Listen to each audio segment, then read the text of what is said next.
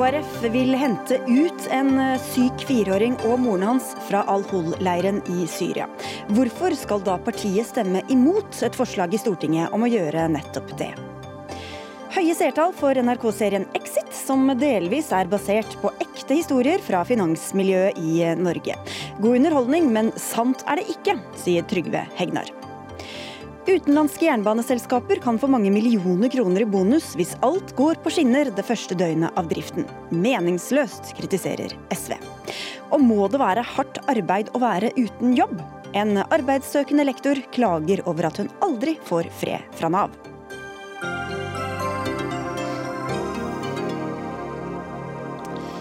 Dette er noen av overskriftene i dagens Dagsnytt 18. Mitt navn er Sigrid Solund. I dag åpnet det 164. storting. I morgen vil Miljøpartiet De Grønne benytte den påfølgende trontaledebatten til å fremme et forslag som splitter flere partier på Stortinget. Forslaget går ut på at regjeringen må sørge for at familien som er i Al-Hol-leiren i Syria med en sjuk fireåring, umiddelbart må hentes til Norge. Eh, Une Bastholm, nasjonal talsperson for MDG og sitter på Stortinget for dem. Hvorfor skal, er et stortingsvedtak et egnet virkemiddel i denne saken? Det er jo fordi at fireåringen er i ferd med å dø. Eh, og jeg mener at det er helt dessverre dessverre åpenbart her at regjeringa ikke blir enig internt prinsipielt. Eh, Stortinget har heller ikke hatt en prinsipiell debatt om hvordan vi forholder oss til fremmedkrigere og syke barn av fremmedkrigere i utlandet til nå. Og jeg mener at det vil være eh, veldig tragisk hvis fireåringen nå dør, mens vi politikerne bestemmer oss for hva vi skal gjøre i de sakene her prinsipielt. Og så vil jeg bare si at jeg har også siden jeg sendte inn forslagsteksten først, så er det endra noe til raskest mulig. og Det er jo også for å uh, gi regjeringspartiene enda en grunn til å kunne stemme for. Og gi dem et lite rom til å kunne håndtere det her praktisk. Men det prinsipielle her er ekstremt viktig. Det er at uh, det her er jo en gutt uh, som sitter i en fangeleir nå. han er norsk. norske barn er Norges ansvar, også om de er i utlandet. Det er det ingen juridisk tvil om. og humanitærretten, internasjonal humanitærrett, som vi ofte kaller krigens folkerett er tydelig på at også de man kan kalle krigsfanger, som de her er nå, bare enda mer rettighetsløse. Også krigsfanger har krav på en rettssikkerhet. Eh, de har krav på at familien holdes samla. De har også krav på, krav på, medisinsk hjelp. Vi kommer litt mer til det juridiske etter hvert, men verken Venstre, Arbeiderpartiet eller KrF vil stemme for eh, dette forslaget. Ehm, og vi har i hele dag forsøkt å få noen fra Arbeiderpartiet til å diskutere denne saken, i studio eller på telefon, og ingen har takket ja til å være med. Hans Fredrik Grøvan, du sitter på Stortinget for eh, KrF, og dere skal også stemme over dette forslaget på fredag. Hvorfor vil dere ikke stemme for å få denne familien til Norge raskest mulig? Vi er veldig opptatt av å få en løsning med å bringe hjem gutten, mora og søstera så fort som mulig. Vi er også opptatt av å få hjem eh, resten av de norske IS-barna sammen med mødre. Og Det handler om de humanitære forholdene som er der nede. Vi mener vi har en moralsk og vi har en juridisk plikt til å gjøre det. Eh, og det handler også om de tilstandene i annekset spesielt, som eh, Une Bastholm beskriver, som vi er helt enig i. Og da er eh, konklusjonen at dere stemmer mot deres egen ja, altså, politikk? Vi er et regjeringsparti. Vi må bruke den posisjonen vi har til å få en regjering til å stå bak et sånt vedtak. Vi kan ikke hoppe ut av den rollen etter alt dette som det passer, men vi jobber for, og vi tror at vi skal få dette til. Eh, så er det jo et annet spørsmål, måten måten å gjøre dette på. Jeg synes det er viktig å kommentere det. for det at I dette annekset så er det nærmest sharialovgivning i deler av dette. De som velger å sette seg opp mot IS-regimet, risikerer nærmest å bli utstøtt, og det har vært skyteepisoder osv. Vi tror at med et offentlig vedtak med en navngift person, så utsetter vi også denne personen for en vesentlig sikkerhetsrisiko hvis en velger å gjøre dette på den veldig utradisjonelle måten. Okay, det er også en viktig grunn, men som sagt, vi jobber for å få dette gjennom i regjeringen, og vi tror at vi skal kunne klare det. Det er interessant. Altså, Vedtaket her har jo ikke noe navn i seg, eh, fordi alle forstår hvem det er når man snakker om den syke fireåringen eh, som har en treårig datter, eh, og en mor som er norsk. Det eksempelet er veldig godt kjent, og det er jo derfor vi kan sitte her og diskutere det også uten at noen navn nevnes. Jeg mener at prinsipielt så er problemet her at vi politikerne har gått inn og begynt å mene noe om de sakene her i utgangspunktet. Altså Jeg skulle aller helst ønske at dette aldri kom på Stortingets bord, fordi det her burde vært en selvfølgelig eksempel på at vi skal følge internasjonal internasjonal humanitær rett. Men så er det sånn at jeg tror at regjeringa internt er uenig fordi det har en symboleffekt for denne regjeringa om man tar hele familien hjem og også etterforsker og eventuelt straffeforfølger mora i Norge. Signaleffekten ved det tror jeg er mye mer alvorlig for regjeringa enn denne sikkerhetspolitiske argumentene som kom, som, eller Eh, påstanden om sikkerhetspolitiske hensyn som kom eh, før sommeren, eh, som aldri egentlig ble konkretisert. Vi skal slippe til andre deler, men vi må litt mer til deg, Grøvan. fordi du sier at dere vil jobbe med dette i regjering. Vi vet ikke nøyaktig hvor syk denne gutten er. Hva, hva, hvis han dør mens dere prøver å jobbe med dette innenfra? Ja, Det er jo nettopp den situasjonen som gjør at dette er prekært, og at det er viktig å få løst dette så fort som mulig. Men om regjeringen da hadde valgt å si at nå henter vi denne hjem, så kunne vi likevel regjeringen ikke gått ut og sagt dette offentlig, nettopp pga. de vanskelige sikkerhetsmessige forholdene som er rundt eh, leiren og oppholdet der nede. Derfor er det viktig at vi behandler dette på en vanlig måte. Stortinget driver ikke saksbehandling i den type saker, men vi tror at eh, intensjonen er helt enig i det som Une Bastholm foreslår. Og jeg tror at eh, viljen vil eh, være absolutt til stede for å få til en løsning. Vi har jo henta hjem fem foreldreløse barn allerede. Klart å vist at eh, dette er et engasjement fra regjeringens side. Eh, vi må gis et rom og et, tid, et tidsperspektiv for å få dette på plass så fort som mulig. Og det jobber vi på. Og da vet jo ikke vi heller hvor god tid noen har, da, egentlig. Så det haster. Nei, ja.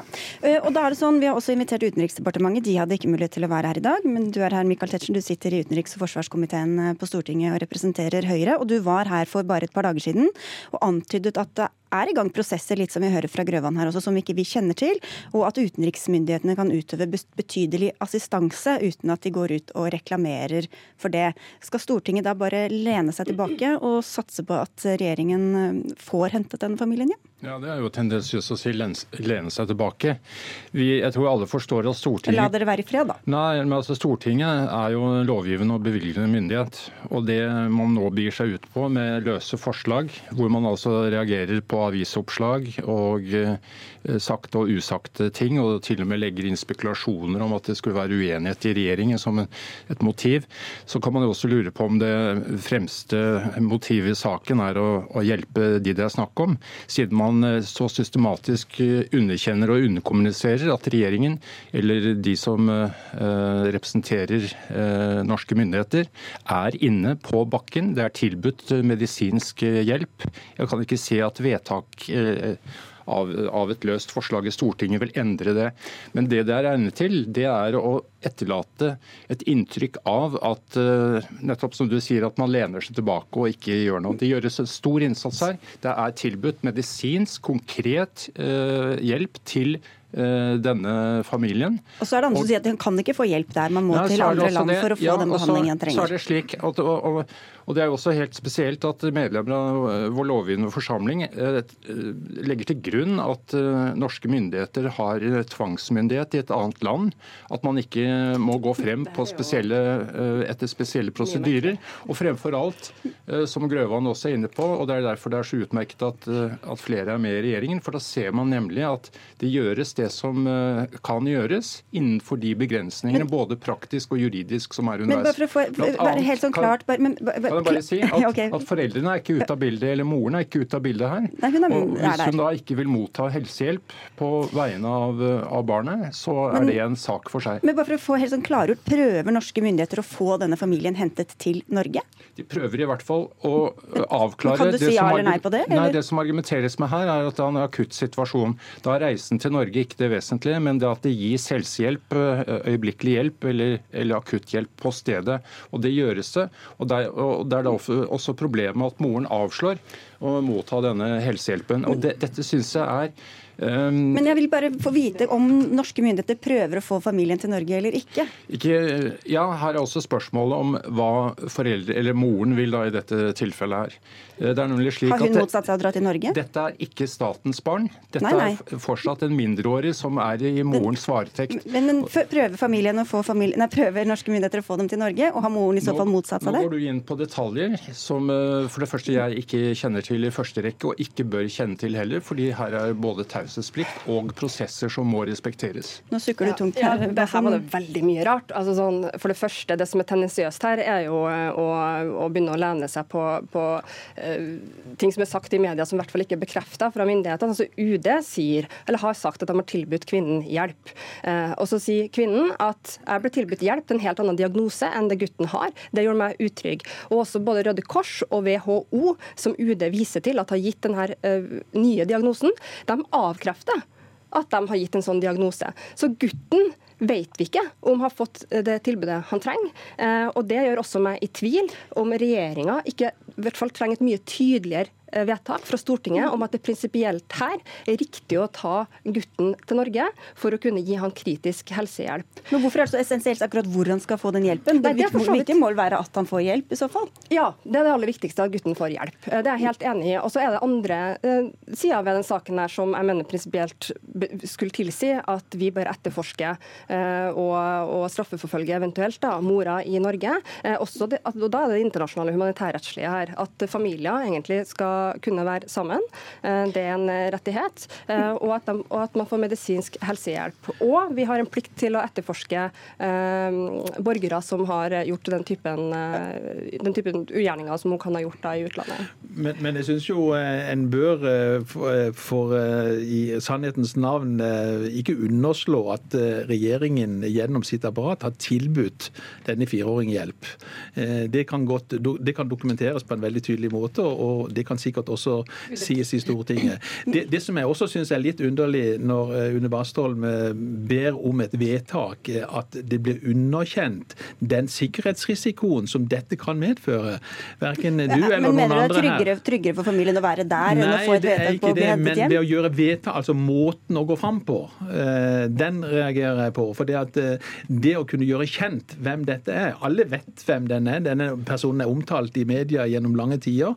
Fireåringen er er kjent, eh, det utgjør en sikkerhetsrisiko som jeg syns det er litt rart at en vil ta sjansen på å utsette denne kvinna for en ny risiko, okay. i tillegg til den situasjonen som hun har med den sånn svært, svært syke fireåringen. Altså, eh, de, den måten jeg refererer til kvinnene, er akkurat på samme måten som det allerede gjøres offentlig, så jeg kan ikke si at det har noen annen sikkerhetsrisiko. Men jeg håper jo virkelig at eh, regjeringa, hvis de ender med å hjelpe den familien her, gjør det på en måte som, som ivaretar deres sikkerhet.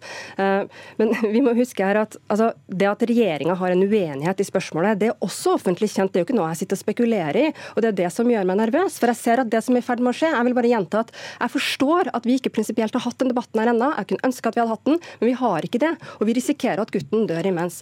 Og hvis det er tydelige signal fra Stortinget regjeringa trenger, så ønsker jeg å bidra til det. Jeg klarer i hvert fall ikke som stortingsrepresentant å sitte og se på at det her eh, skjer, og det utvikler seg, uten at, en, eh, men, uten at gutten får hjelp. Men da lurer jeg på Tetzschner også, fordi det er jo ikke noen hemmelighet, som Bassom sier, at det er jo forskjellige syn på dette i, internt i regjeringen. KrF har et landsmøtevedtak på at de ønsker at alle disse familiene det gjelder, skal komme hjem. Og da har argumentet mot vært at man ikke skal på en måte premiere disse kvinnene som har støttet IS, og at man ikke vil skille mor og barn. Gjelder det fortsatt? Ja, men, men jeg synes jo hele resonnementet her hviler jo på at man er vel så interessert i hvilke problemer dette måtte skape politisk. Jo, men hvis du kan svare på nei, det jeg spør om, da. Fordi, nei, men, fordi Jeg skjønner ikke om man prøver å få dem til Norge, eller om man fortsatt mener at disse kvinnene ikke skal hentes til Norge. Man prøver å gi den hjelpen som også respekterer et grunnleggende prinsipp, nemlig at eh, det er foreldrene som har hånd om barna, som velger å reise til utlandet, som velger å velge oppholdssted og som selvfølgelig også da må være inne i bildet og samtykke til at helsehjelp gis. Og Det er jo virkelig det kritiske punkt her. Og så da sitte i Norge og diskutere at det er fordi noen mener sånn og andre mener noe annet i regjeringen i generelle spørsmål, det syns jeg virkelig denne saken ikke fortjener. Fordi den er ute på et operativt nivå, ute i leiren, hvor det tilbys eh, helsehjelp eh, av ikke myndighetene direkte, men ved gode hjelpere og internasjonale kontakter. Og Det kan jo være veldig mange familier, norske foreldre, som setter sine barns liv i fare eller skade. Hvorfor skal man gå inn og ha, eller Hvor skal grensen gå for enkelt vedtak fattet i, i Stortinget for, eh, for disse menneskene? Altså, første gang det det er fått oppgitt, uh, første gang norske myndigheter fikk kjennskap til guttens diagnose, var i mars. Så det har gått veldig mange måneder siden norske myndigheter var klar over den situasjonen gutten kan være i. Jeg opplever ikke, og nå snakker jeg bare som stortingsrepresentant med de, den informasjonen jeg har, jeg opplever ikke at tvils, tvilen har handla om eh, verken hvorvidt det er mulig å få til en avtale med kurdiske myndigheter. Tvert imot. Kurdiske myndigheter har sagt eh, vi ønsker gjerne at, eh, at gutten med mor eh, får, eh, får, komme til Norge. Altså, det er helt OK for oss.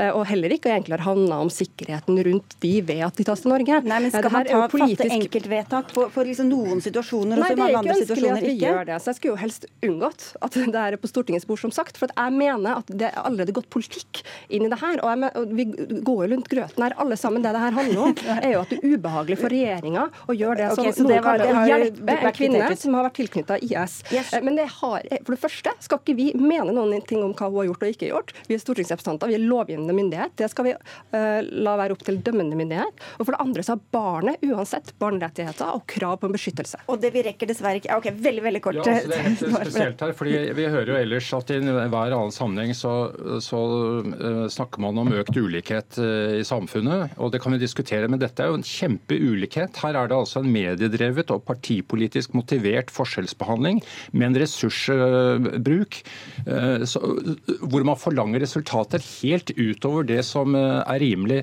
Og Hvis man da ser på de andre uløste oppgavene vi har i samfunnet, så er det dette egentlig ikke noen stor seier for det, det, det parlamentariske demokrati. Det må etterlates inntrykk at ikke regjeringen har en genuin interesse i å hjelpe fireåringen. Det er, ikke, det er helt klart et faktum som vi må slå fast. Og så På fredag skal det altså stemmes over, og det ligger ikke an til det får flertall ut fra denne debatten om dem i hvert fall. Takk skal dere ha alle tre for at dere kom. Michael Tetzschner fra Høyre, Une Bastholm fra MDG og Hans Fredrik Røvan fra KrF. Dagsnytt 18 alle hverdager kl 18.00 på NRK P2 og NRK2. Har du fått med deg første episode av NRK-serien eh, Exit? Jeg heter Adam. Jeg er gift med en fantastisk kvinne. Kom. Skal jeg få deg til å tenke på noe annet? Just nå så forsøker jeg og min fru å få barn. Jeg er sterilisert, men det vet ikke hun. Sen jag var 25 så har jag startat och sålt tre olika firmor. Men eh, eftersom jag hade mina första 100 miljoner innan jag fyllde 30 så eh, har det varit svårare och svårare med tiden att hitta den där sortens utmaningar som ger kicken. Det. Her var det en liten smakebit fra denne episoden som nesten 700 000 nordmenn har sett, selv om det bare er under én uke premier siden premieren. Mesteparten av dramaserien skal være basert på sanne historier fra fire rike finansmenn i et miljø i Oslo. De fire hovedkarakterene kjeder seg blant koner og barn og lever et dobbeltliv med festing, dop, vold, sex og prostituerte. Kanskje ikke så rart da at serien vekker oppsikt også i eh, finansmiljøet og får mange til å spekulere. Men eh, Trygve Hegnar, du har skrevet en leder i Finansavisen din, Finansavisen, avisen din i dag, hvor du skriver at serien er god underholdning, men ikke sann. Hvorfor tror du ikke på det som fortelles? Ja, Nå har jeg bare sett på finansnæringen og kommentert den i 50 år, så jeg er ikke sikker jeg har fått med meg alt som foregår. Eh, men det, som du sier, så er det veldig god underholdning. Det er åpenbart, og, og seertallene er også kjempebra. Men eh, jeg tenker jo ikke på luksusprostituerte og eh, dop og eh, kvinneforakt og barn man ikke liker og alt det negative man kan tenke seg. Det tenker jo ikke jeg på når jeg ser på finansnæringen. Man må, liksom ha litt klart for seg hva man snakker om. Finansnæring slik jeg ser den, det er liksom aksjemeglere, finansmeglere, forvaltere, ansatte i bankene og forsikringsselskaper. Det er folk som jobber med finans. Det er ikke en stor gruppe i landet, det er en relativt liten gruppe. Og det er ikke kjent for meg dop og luksusprostituerte er liksom ingredienser ingrediens i hverdagen til disse menneskene. Ikke i det hele tatt. Og det, det som er litt problematisk, er at ja til underholdninger, men det er ikke finansmiljøet de skildrer, det er et form for kjeltringmiljø de skildrer. Vi kan høre med deg, Petter Testmann Kokk, du er sjefprodusent for Exit. Hvor mye av serien er basert på virkeligheten, egentlig? Vi sier vel at ca. 70% av det vi eh, forteller har rot i virkeligheten. Ja, men det, men, men det, gjelder ikke 70% av finansnæringen? 70 av... Nei på, nei, nei, på ingen måte. og Det har vi heller aldri hevdet. Dette her er jo en bitte liten fraksjon av eh, finansnæringen. Så jeg, jeg, hadde jo vært eh, dypt bekymret hvis Trygve Hegnar kjente til at dette var et utbredt problem. Og hvordan kan Dere vite? Dere har altså basert dette på fire personer som har latt seg intervjue. Hvordan har dere sjekket det? Hvordan kan du vite at det de forteller faktisk stemmer? Altså, Vi har eh, selvfølgelig eh, kikket, eh, sjekket dette, kildekritikk. Vi har også fysiske bevis. Men hva det er, kan jeg selvfølgelig ikke gå inn på, for da er jeg jo, så er jeg i fare for å, å, røpe anonymiteten til eh, disse kildene våre. Men, men, det er jo opplagt, altså Også i finansnæringen så er det folk som har brukt dop, de, de, har drukket, de har vært kvinnefiendtlige, det har vært alt som er gærent. I alle bransjer. Redaktører, redaktører journalister, i VG, i NRK. Det er 3500 ansatte i NRK. Det er sikkert mye rart som finnes her. Jeg tror ikke vi har råd til så mye kokain. Som nei, nei, ikke så mye kokain, men kanskje så mye alkohol. jeg vet ikke. Men, det, men det, mitt poeng er bare det at det er karikert. og det gjør liksom litt vondt å se på det, fordi det er så urimelig. Og så vet jeg at noen setter seg og blir intervjuet av NRK, og så snakker de om det jeg opplevde, det jeg har sett osv. Som du er inne på, man vet jo ikke om det er sant i det hele tatt. Man vet ikke om det er rett fritt oppspinn. Og så blir det veldig gøy å si da at denne finansnæringen er så skummel og rar, og de er pøbler alle sammen, og de slåss i utide, og de gjør Nå har ikke jeg sett alle episodene, jeg har sett to, så jeg kan ikke dømme alt ennå, men jeg syns det er veldig urimelig, og det, og det blir gærent. og eh, og så er det spørsmålet om da liksom hvor altså, Er det 70 riktig og, og, og 30% fiksjon, eller er det som jeg tror, kanskje 90 fiksjon og, 20, og 10% riktig? Vi kan høre med en til. Tina Saltvedt, du er nå bærekraftsanalytiker i Nordea, og du sier i motsetning til Hegnar at det er en del troverdig i denne, i denne serien. Hva er det du kjenner igjen? Nei, Det er noen trekk, noen egenskaper hos disse mennene som jeg har dratt kjensel på. Men det, altså, jeg støtter fullt ut, dette representerer jo virkelig ikke finansnæringen. Det er jo bare en veldig, veldig liten del som, som lever helt utenfor hva, hva, vi kan kalle den vanlige finansnæringen. Så det, jeg, det støtter jeg Trygve Hegnar i fullt ut. Men at jeg kjenner igjen noen trekk hos enkelte personer som jeg har sett, det, det gjør jeg. Det, det må jeg innrømme. Hva da? Ja, F.eks. så er det jo den derre altså den der selvfokuset. Det der å sette seg altså De der veldige spisse albuene. Det nesten å forgude seg selv litt når man har klart å, å, skaffe seg mye penger. For noen betyr det enormt mye eh, å, å, ha mye penger, og vise det, ikke minst. Andre ting er jo også hvordan de behandler konene sine, familien. At det er en, den, altså denne, disse mennene som først skal frem, og så får andre vike til siden pga. det. Så et par sånne trekk som jeg, som jeg har sett. Eh, ikke som de personene fullt ut, men trekk. Ja, altså Ikke bare handlingen, men kanskje noe av holdning eller kulturen, Hegnar. Er det helt fremmed? Eller? Nei, altså, nei, det er ikke helt. Jeg kan godt tenke meg at da blant folk i den bransjen, de som er utdannet som økonomer eller som jurister eller annet, at når de er i den bransjen, så blir liksom albuene litt spissere, og de er litt tøffere for å komme mot toppen. Det, det, finnes der også, men det finnes også i veldig mange andre næringer. Det som for meg er litt utfordrende og spennende, det er å se om da NRK i serien klarer å vise hvordan de har tjent pengene. Det er liksom litt lettvint å si at her har jeg 100 millioner, nå skal jeg ha nok av prostituerte, nok av damer, nok alkohol og nok av kokain, og så skal jeg banke opp kona, og så skal jeg banke opp vennene mine, og så skal jeg blaffen i barna. Altså, Jeg skal gjerne se hvordan de har tjent de pengene. Det er ikke så lett som det fremgår av serien. Nei, ok, det høres testmak Jeg vet ikke om det er en egen serie viet til, til akkurat det Nei, en egen episode vi til det? Nei, det er ikke det, altså. Men hva slags eh, respons har dere fått eh, fra, fra folk i finansbransjen selv om hvorvidt de kjenner seg igjen, da? Du, Det fascinerende er jo at eh, etter at dette kom på lufta på fredag, så har vi jo fått ganske mange henvendelser fra finansmiljøet som har lyst til å fortelle sine historier til en potensiell sesong to og tre. Så, så, så, jeg er ganske trygg på at dette her miljøet eksisterer. Altså, det, er ikke, det, er ikke, sånn at vi har sittet i vår litt sånn fattige mediebransje. Jeg har hørt rykter om at det er kokain der også, Heina, men jeg har aldri, aldri sett det selv. Så jeg, men jeg tror at det finnes der også. Så jeg er ikke naiv. Men, men jeg, definitivt så er dette her Jeg er helt trygg på at dette finnes. Dog, som jeg sa innledningsvis, i en liten fraksjon. Så vi skuer overhodet ikke hele finansbransjen på, under én kam. Altså. Men jeg tror også det finnes. Og hvis man går utover 20-årene i Oslo eller på Aker Brygge, så vil man sikkert et eller annet sted finne et lite kontor hvor det er noen gærninger, eh, selv, selv, selvbevisste gærninger som har tjent for mye penger, og som da tror at de behersker verden og kan finne de kvinner de vil osv. Det finnes, men det er ikke et tegn på hvordan finansbransjen er og opererer. og Det er det jeg liksom irriterer meg litt over. Men så syns jeg det er gøy at serien går, og så syns jeg det er gøy at det er så stor interesse for den, og det er bra for NRK. Og så er det åtte nye episoder, og de gleder jeg meg til. Ja, ok, til slutt da, Saltvedt, Hva tror du dette kan gjøre med folks inntrykk av finansbransjen og de som jobber der? Saltvedt? Nei, hun forsvant. Antagelig for å Det kan vi bare spekulere i hva hun skal drive med nå. Nei da. Dere Hva sa, hva sa du? En gang til. Jeg sier, jeg, jeg sier, at jeg, håper ikke at folk tror at dette her er gjengs for finansbransjen. Det har aldri vært vår intensjon. og Jeg tror heller ikke folk som ser på det er så hva skal jeg si, lite bevisste at de tenker at dette her er gjengs. Åpenbart ikke. Men, men at det er et, samfunn, kall et lite samfunnsproblem som vi ikke må la utvikle seg, det er det ingen tvil om. Samfunnsproblem er det ikke. det kan hende det blir noen litt skuffede fjes hvis de går inn i forsikringsbransjen og regner med at dette er det de møter der. Takk skal dere ha i hvert fall alle tre for at dere kom til Dagsnytt 18 og var med her. Trygve Hegnar, Tina Saltvedt og Petter Testmann Kokk.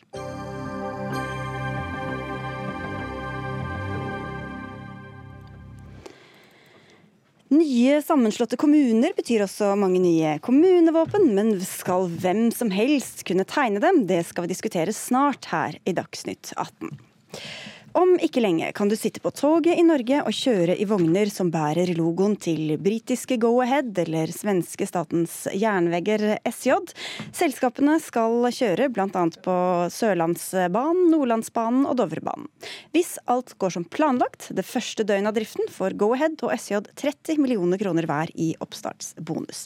Og dette er en ordning du ikke ser blitt på, Arne Nævra. Du er samferdselspolitisk talsperson for, for SV. Hvorfor er det så galt å smelle til? Til med bonus hvis alt går knirkefritt i begynnelsen? Altså, Det er jo ikke noe sånn gærent i utgangspunktet å gi bonuser, men altså gi en bonus til dagen etter at alt er som går på skinner, bokstavelig talt dagen etter, det blir liksom litt sånn komisk. Jeg skulle ønske nesten at det var Dale, samferdselsministeren, som var her. fordi på en måte så er jo dette i også politisk ledelse og for så vidt også direktoratet da en eh, mindre fallhøyde. De vil jo at dette skal gli fra dag én. Er det noe galt da? Vel, altså 30 millioner kroner eller 40 millioner kroner til disse selskapene. Altså, De bør levere eh, tog som går på rute uansett. Det er jo en del av anbudet. Og det er jo ikke de som bestemmer om, stort sett om dette her går på rute heller. Det er altså Bane Nor som har ansvaret for skinner og signalanlegg osv. De, eh, hva er det de kan gjøre? Veldig lite. Er de på en god dag, så får de 30-40 millioner kroner uansett. Altså, Vi har selvfølgelig invitert eh, jernbane, eller samferdselsministeren. Han kunne ikke komme. Og som du viser til, så har vi jernbanedirektøren her som skal slippe til snart. Men eh, hun ønsker ikke å diskutere med, politi med politikere. Men bare for å forfølge dette litt. Altså det, hvis dette er det som skal til for å få til, ting til å fungere helt fra første stund, er det ikke verdt det? Altså, poenget mitt er at eh, Hvis du skal gi bonuser, så må du gjøre det i den forstand at du har langsiktige bonuser. Det ligger inne i pakka også. Det er at du skal øke trafikkveksten. altså Du skal ha flere passasjerer, du skal ha godt servicetilbud. altså Det vi kaller for kundetilfredshet. Det er jo fornuftig. Så får de levere det etter en del antall år. Men at dette her liksom skal være 30-40 millioner eh, direkte til disse selskapene, det engelske og det svenske selskapet, sånn rett eh, over natta, jeg syns det er liksom, liksom meningsløst. Det er omtrent det det koster i en sånn eh, sovevogn som vi trenger så mange av. Det er rundt en 30 millioner, tror jeg. Så jeg ville putta det dit. Altså, Jernbanen skal ha penger til eh, drift og til utbygging, og ikke til eh, sånne bonusordninger. Det er jo noen som sier at nei, de burde kanskje heller ha straff hvis de kommer for seint, altså hvis det er ja. forsinkelser. Ja, men det kan de jo. De kan få bot hvis, hvis de ikke leverer ja, som de skal. På sikt så får de det etter hvert. De har lagt inn noen minusbonuser her og der, og så har de lagt mange trinn for eh, plussbonuser, får vi vel si da. Og det, og det er for så vidt greit hvis det er langsiktig, men sånn til dagen etter 30 millioner kroner, nei, dette her ser jeg på som en sånn bonus bonus like mye til statsråden for et prestisjetap. Eh, han er veldig opptatt av at det ikke nå skal være en sånn butt akkurat dagen etter, for det tar seg veldig dårlig ut. Dette har jo også ligget i papirene hele tiden. Hvorfor har dere ikke protestert underveis, da? Nei, dette er 1100 sider eller noe sånt i den kontrakta. Vi kan ikke sitte og bla gjennom 1100 sider. Eh, sånne ting må vi nesten ha tips om. Skulle jeg gått gjennom alle de sånne kontrakter i detalj, det er ikke mulig. Men jeg har brukt masse tid å se på hele dette forholdet mellom pris, kvalitet osv. på disse anbudene. Men ikke, bedt... ikke lest dem? Jo, dem har jeg lest. Men det går på helt andre ting enn akkurat dette her. Kirsti Slåsvik, du er direktør i Jernbanedirektoratet. Hva er det denne avtalen egentlig innebærer? Jeg syns det er viktig å presisere at det er både bonus og malus, eller straff, som ligger i det. Eh, og vi har ikke betalt ut noe bonus. Det er ikke sikkert vi kommer til å gjøre det engang. Eh, men det som jeg tenker som er viktig for oss som direktorat og som skal styre disse avtalene, vi må da ha nok noe å lokke med eller å true med. Men Skal ikke selskapene bare gjøre som avtalt, da, uten å måtte lokkes ekstra i tillegg til det de allerede får betalt? Ja, nå vil jeg si at det er godt å ha noe å lokke med. og Det som er viktig å presisere, det ligger akkurat de samme systemene i avtalene som vi har med Vy, i forhold til eh, den trafikken som går nå. Og om Vy hadde vunnet Sørlandsbanen, så hadde de også kunnet fått den samme bonusen. Så det her er ikke spesielt for disse selskapene, men jeg syns det er viktig å å presisere. Nå holder de på i vel et år med utrolig eh, masse arbeid som skal gjøres på forhånd, for å være sikker på at det går. Og akkurat den dagen er én ting, men jeg tenker for oss er det mye mye viktigere det som skjer på forhånd nå. Men, men, her er det jo inngått kontrakter, eh, og det er rammer som er satt. Så Hvorfor skal ikke folk bare gjøre det de er betalt for? Hvorfor skal man tenke at de trenger en ekstra bonus for å gjøre jobben sin i tillegg? Jeg tenker at vi har et grunnbeløp eh, som vi skal minne oss selv på, er utrolig mye lavere enn det vi betaler i dag. Det at vi har noen variabler på toppen der for å kunne få ut ekstra. Og jeg tror, eh, jeg vet at både vi og selskapene er veldig opptatt av mest mulig trafikk, mest mulig passasjerer, og få det her til å fungere. Eh, men det å kunne ha kontrakter som vi, hvis ting ikke går som vi ønsker, har muligheten til å bruke, det trenger vi. Og det er mye penger over ti år. Men hvis jeg får en ny jobb og kommer på jobb den første dagen, så forventer jeg ikke å få en bonus fordi jeg kommer i tide. Så, I tillegg til lønnen jeg allerede skal heve. Ja, men hvis du har en forventning om at du skulle faktisk forberedt deg i et år før du begynte på den jobben, og skulle, skulle, være på plass da. Men er ikke det den avtalen de har i utgangspunktet? Jo, i utgangspunktet så har de det, men de har ikke noe betaling for det de gjør på forhånd nå. Eh, noe ekstra utover det. Men vi tenker at det er utrolig viktig at de står på nå for å kunne være klar den dagen. Jeg vet, jeg vet, ikke om de kan Nei, altså, jeg, kan, jeg kan kommentere det. Jeg skal ikke ha noe debatt med jernbanedirektøren. Men altså, dette her er jo politikk. Vi kommer ikke bort ifra det. og På en måte så er jo Jernbanedirektoratet det er jo på et vis den utøvende hånda til eh, politisk ledelse. De lever jo ikke i et politisk vakuum heller. Altså Poenget er at de skal ha dette her til å gli best mulig når du først har en jernbanereform hvor du skal flagge ut togstrekninger med privat drift, eller med drift fra et utenlandsk selskap i dette tilfellet. Og da vil jo ikke en statsråd eller politisk ledelse eller eller direktoratet at et sånt prosjekt ikke skal gå glatt. Ja, men nå er ikke de her, og Vi har invitert dem også, de kunne ikke komme. Mm. Så vi får bare la det ligge. De hadde sikkert hatt en helt annen virkelighetsbeskrivelse av det. Mm. Men, men bare på tampen her, da, Slottsvik, var dette deres eget initiativ, eller er dette noe som er kommet fra uh, deres eier, Samferdselsdepartementet? Eh, jeg vil si at det her er en utrolig vanlig måte å bygge opp kontrakter på. Du kunne ha gått inn på en hvilken som helst busskontrakt i Norge, så finner du det samme. Men var det deres initiativ, eller var det Samferdselsdepartementets initiativ? Det er vi som skriver kontrakter, og vi som skriver tilbud. Her har nok ikke statsråden fått lov å være med. Nei, her er det vi som legger grunnlaget for at vi skal ha en styringsmulighet. Og så bare for å eh, fange opp det som eh, Nevra sa her, hvorfor ikke heller ha en bonus på når, når ting har funka en stund, i stedet for å ha en sånn oppstartsbonus etter vellykkede 24 første timer? Det, det, jeg vil si at det er i vellykka første 365 dager. Eh, for det er omtrent det de har fått på seg. Det er vel litt mindre faktisk på Sørlandsbanen. Eh, vi har bonus- og malussystem for resten av perioden også. Eh, så det har de mulighet til å både vinne og tape.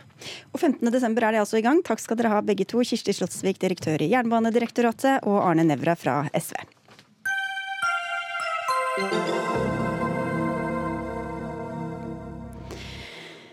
Storbritannia skal ut av EU 31.10 uansett. Det var budskapet fra den britiske statsministeren Boris Johnson da han talte til det konservative partiets landsmøte i dag. That is why we are coming out of the EU on October the 31st, come what may. Conference. Conference. Let's get Brexit done. We can, we must, and we will.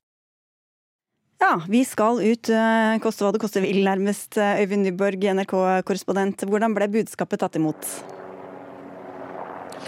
Budskapet ble veldig godt uh, tatt imot. Uh, det er jo bare Boris lenger som har vært her også. De skarpeste kritikerne eget parti de har jo uh, fått sparken, så de var ikke til stede. Så her ble budskapet godt mottatt. Og som du kanskje ser bak meg her, så er det 'la oss få brexit overstått' som er det store mantraet. Og så er jo det store spørsmålet hva det innebærer. Altså man, hva slags avtale eller forslag til avtale mm, som ligger på bordet, og hva vet vi om det? Ja, eh, etter talen så eh, leverte Boris Johnsons folk eh, hans avtaleutkast til Brussel, så de har akkurat fått startet å, se på det. Og Den dreier seg jo veldig mye om Nord-Irland-spørsmålet. For Boris Johnson og brexit-forkjemperne så er jo den garantiordningen for Nord-Irland som bandt Storbritannia til EUs tollunion dersom man ikke klarte å få til en sømløs så handel på grensen mellom Irland og, og Nord-Irland etter brexit, at den skulle være uten sperringer, tollkontroller osv., det var veldig vanskelig å svelge. og Det man nå har kommet opp med, det er en løsning der Storbritannia, inkludert da Nord-Irland, danner sin egen tollunion, men der Nord-Irland knytter seg tett opp til EUs indre marked i en periode f.eks.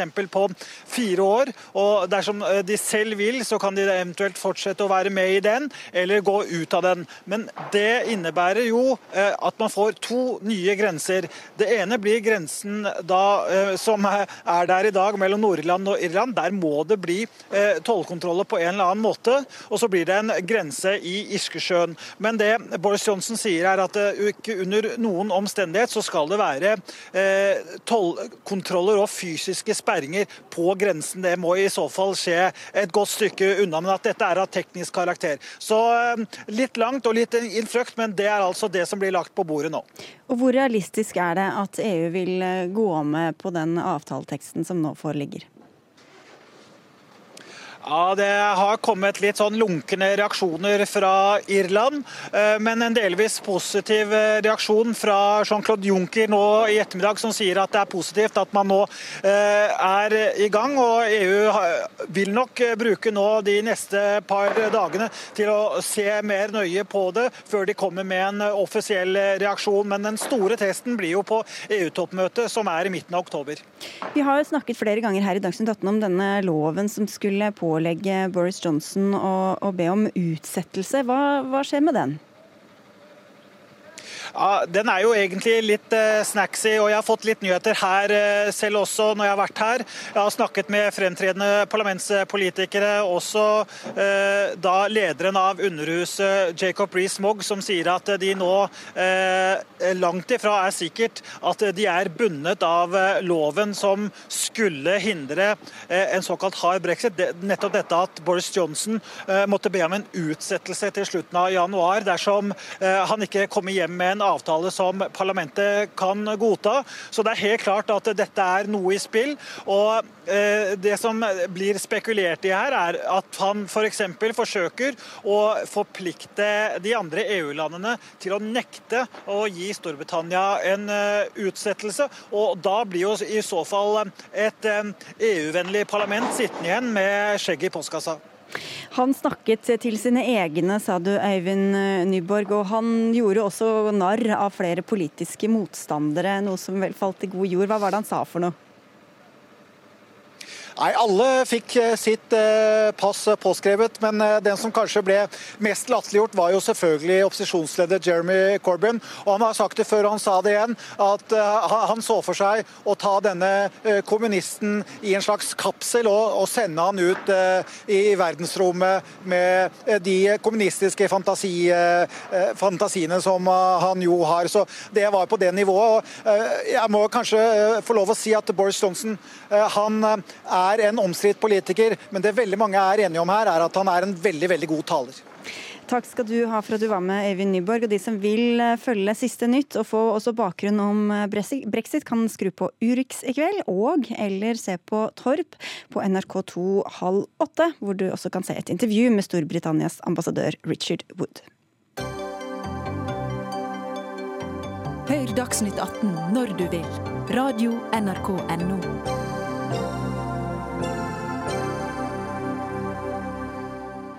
Rundt om i landet slår kommuner seg sammen, og det betyr også nye kommunevåpen. I den forbindelse har flere kommuner invitert til tegnekonkurranser og avstemming blant innbyggerne. Før var det sånn at Riksarkivet måtte godkjenne kommunevåpen, og reglene for utformingene har vært strenge. Men etter en lovendring for et par år siden kan kommunene nå selv velge om de vil følge reglene eller ikke. Og da får vi da en eh, logofisering av våpnene, sier du til Aftenposten, Halvor eh, Holtskog. Du er grafisk designer, men hva er forskjellen på en logo og et våpenskjold? Et våpenskjold, det har jo en en utforma heraldisk, det har jo en helt streng bakgrunn. Altså det følger et internasjonalt regelverk som en velger å bruke. Eh, jeg har tillatt meg å tatt med et eksempel her dette er et epletre, og alle ser at det er ikke noe epletre som ser slik ut.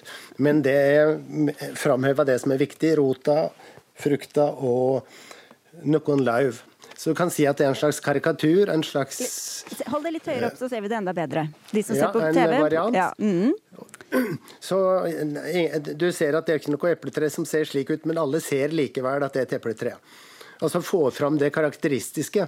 I, mange av disse her nye forslagene så har det kommet fram ideer som i utgangspunktet kunne vært heraldiske, men som en har droppa heraldikken og, og hva skal man si over lagt inn for mange elementer, og det gjort om rotete, da. Ja, så disse heraldikken, disse heraldiske reglene, hva er, det, hva er det de sier egentlig?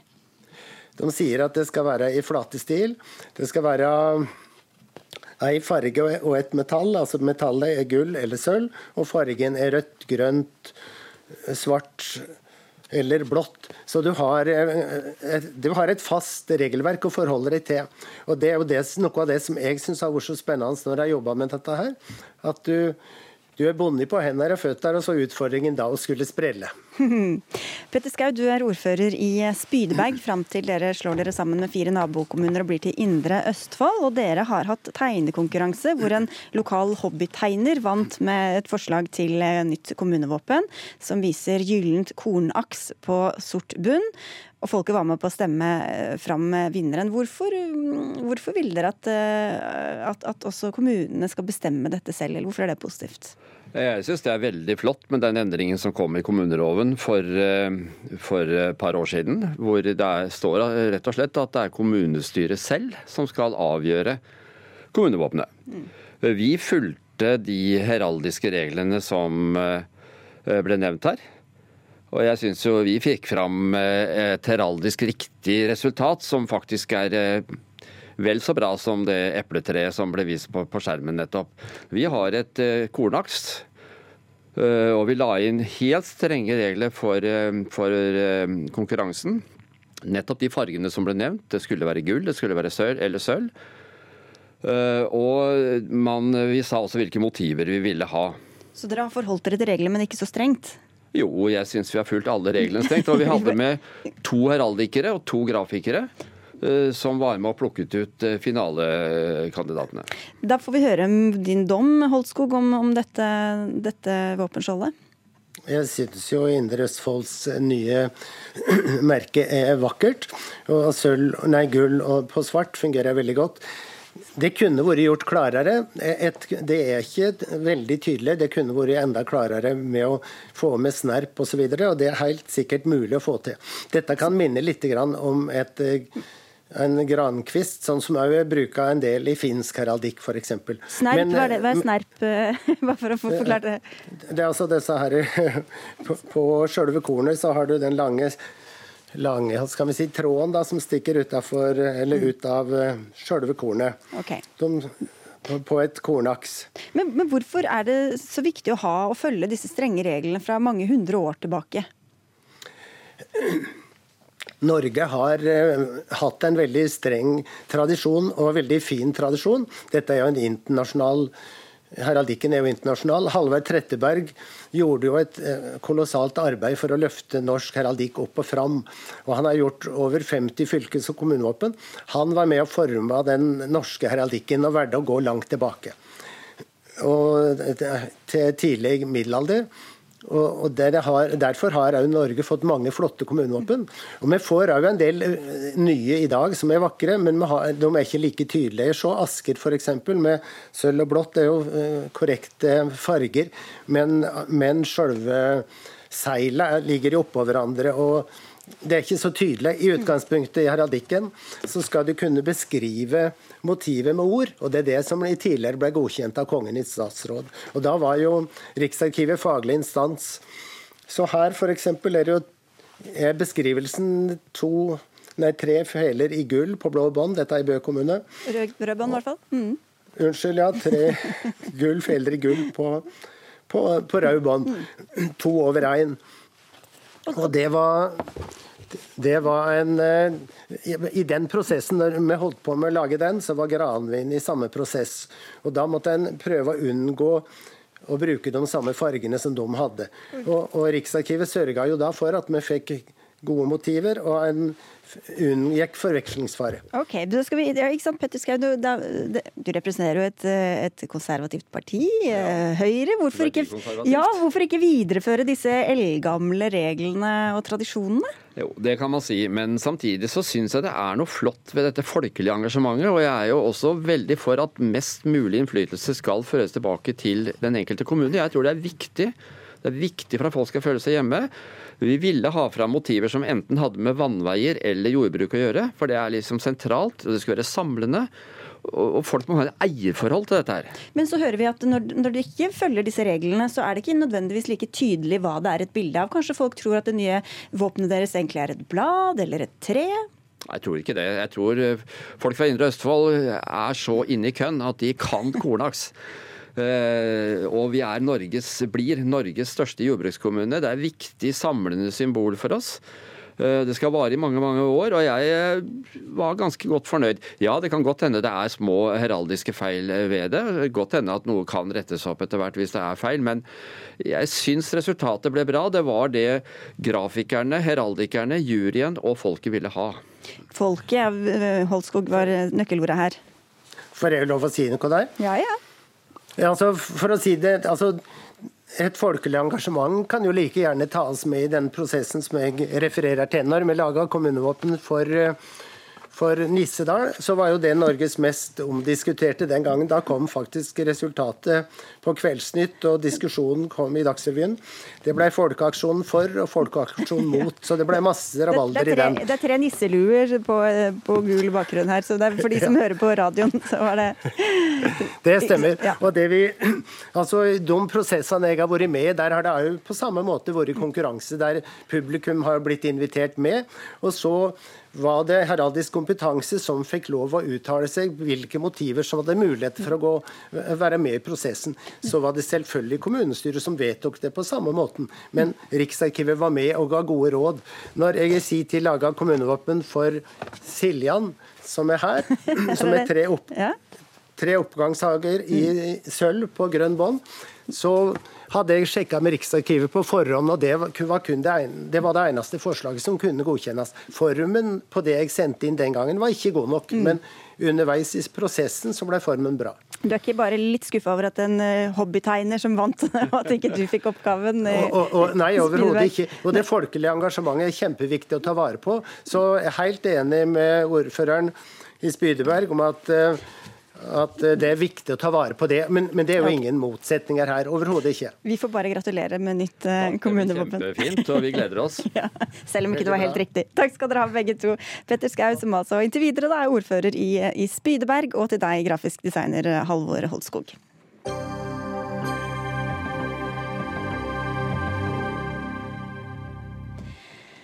Å gå på Nav er som å ha fotlenke, det hevder den for tiden arbeidsledige lektoren Sanna Saroma. I et innlegg i VG skriver hun at citat, det er ikke noe fred å få, jeg er under et regime. Under høyrestyret har naving blitt hardt arbeid. Sitat. Ja, Sanna Saroma, du er altså arbeidsledig og lektor og er med oss fra Lillehammer hvor du bor, og har vært arbeidsledig i noen uker og sier altså at du føler at Nav har tatt over store deler av livet ditt. Hvordan har det skjedd? Ja, altså Nå har jeg vært arbeidsledig i to måneder, og jeg føler jo at jeg er satt under et regime. Eh, altså først kom, dette, først kom måltallet om at jeg måtte søke 20 jobber. og Da jeg hadde søkt de 20 jobbene, så kom det nye krav. altså I og med at jeg ikke hadde klart å få, få noen ny jobb, så kom det et nytt krav om at jeg måtte søke eh, fem jobber i uken. Eh, og Det er det ene. og Det andre er jo litt dette her at, eh, som jeg problematiserer i den kronikken. at uh, La oss si at, en, min, at min familie hadde bodd f.eks. i Kirkenes eller på Lofoten. Så kunne jeg reist og besøkt dem og ikke mistet noen dagpenger. Men jeg kan ikke besøke min familie i Finland uten å miste dagpenger. Og Det, litt, det får, gjør litt at jeg får følelsen av å ha en fotlenke. Og alle disse måltallene om, om jobber som skal søkes. Det gjør at jeg føler at jeg er under et regime og blir litt mistenkeliggjort. Både mistenkeliggjort og umyndiggjort. Ja, Heidi Nordby Lunde, du sitter på Stortinget for Høyre og har svart Saroma også i, i kronikksform. Tullete og firkanta, skjønner du innvendingene?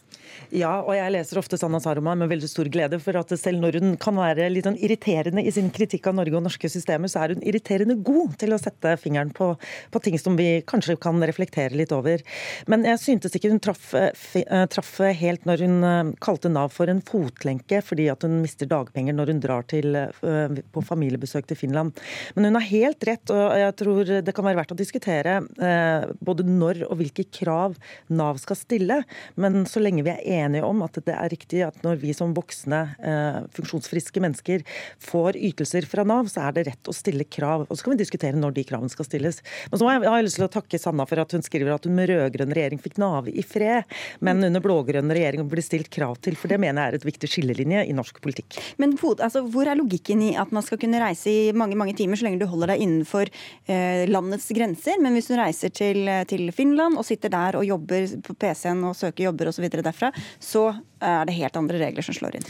Ja, altså Det kan virke litt gammeldags at eh, man ikke kan reise ut av landet, fordi at du kan jo søke jobber over internett hvor som helst. Men eh, poenget er at dagpenger beregnes ut fra de dagene du ikke er i arbeid, ikke det at du faktisk søker jobber. Det er et tilleggskrav.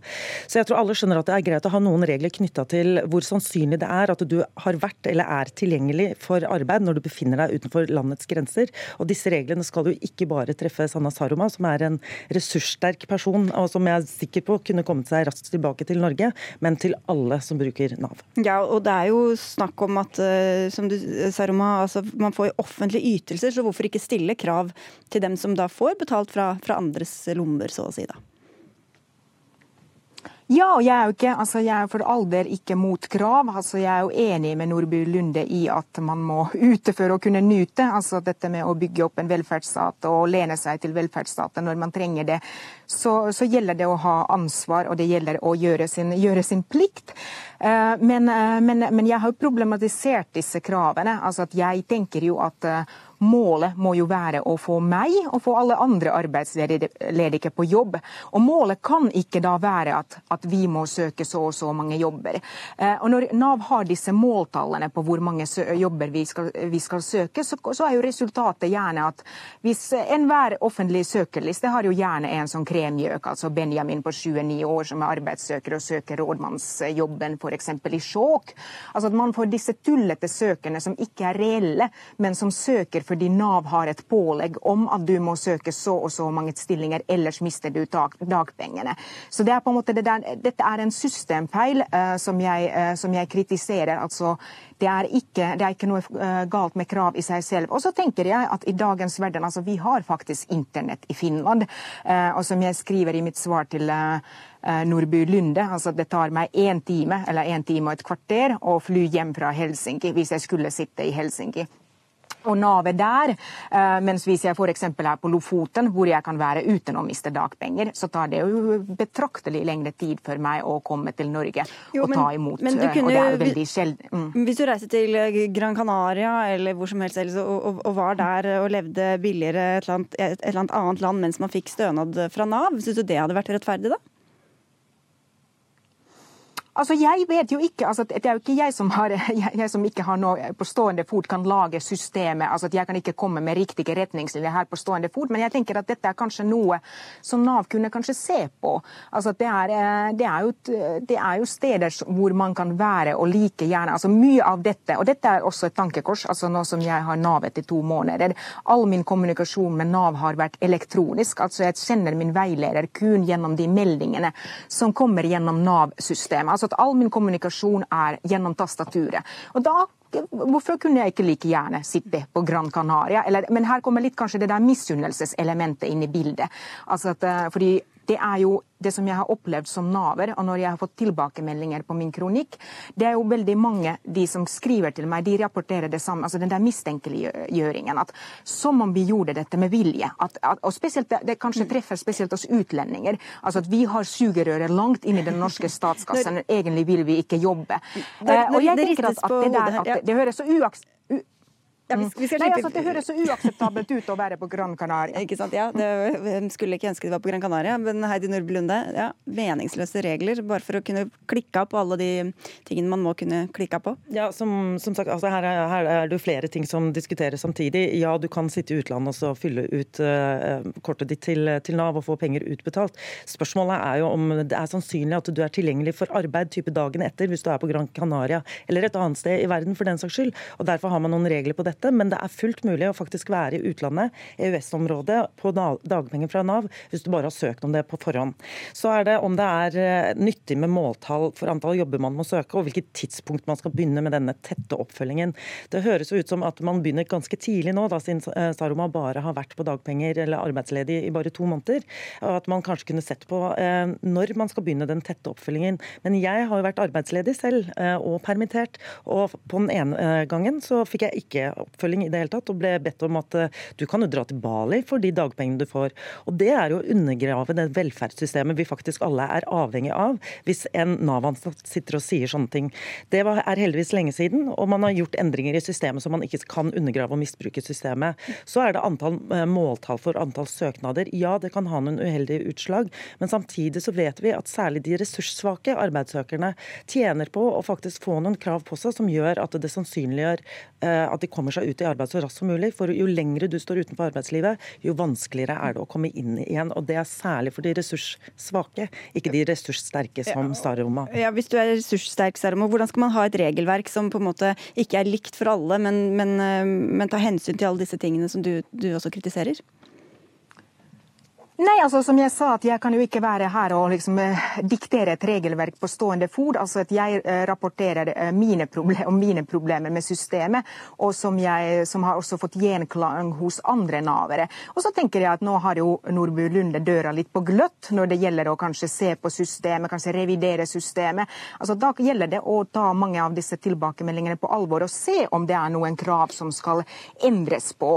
Men jeg har liksom gitt mine tilbakemeldinger. og så har andre navere sikkert andre tilbakemeldinger. Ja, kanskje systemet er for rigid, kanskje det er for rare måltall.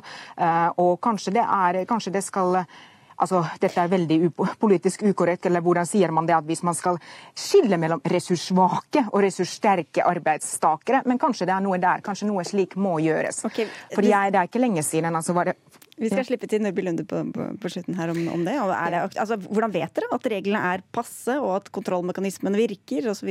Jeg tror nok at alle, eh, altså alle systemer har nok sine systemfeil, men hovedsaken her er å finne et system som passer til så mange som mulig. Og Da tror jeg vi skal eh, først og fremst ta vare på de ressurssvake som trenger systemet mest, og som har mest utbytte av at de får raskere og tettere oppfølging fra Nav, enn kanskje veldig mange ressurssterke som har en annen kompetanse, en lengre utdannelse og muligheter for annet arbeid. Så virker det som det Saroma skriver, at hun har blitt tilbudt jobb som dekkskifter, og at Nav ikke treffer helt på den jobbmatchen til eh, hennes kompetanse. Og det mener jeg også selvfølgelig skjønner jeg at det er provoserende. Så det er jo sånne ting vi kan se på. Litt å hete akkurat der. Takk skal dere ha begge to, Heidi Nordby Lunde fra Høyre, og i hvert fall nå arbeidsledig Sanna Saroma. Jar André Mikkelsen og Hilde Tosterud og jeg, Sigrid Solund, takker for følget og ønsker en fin kveld videre.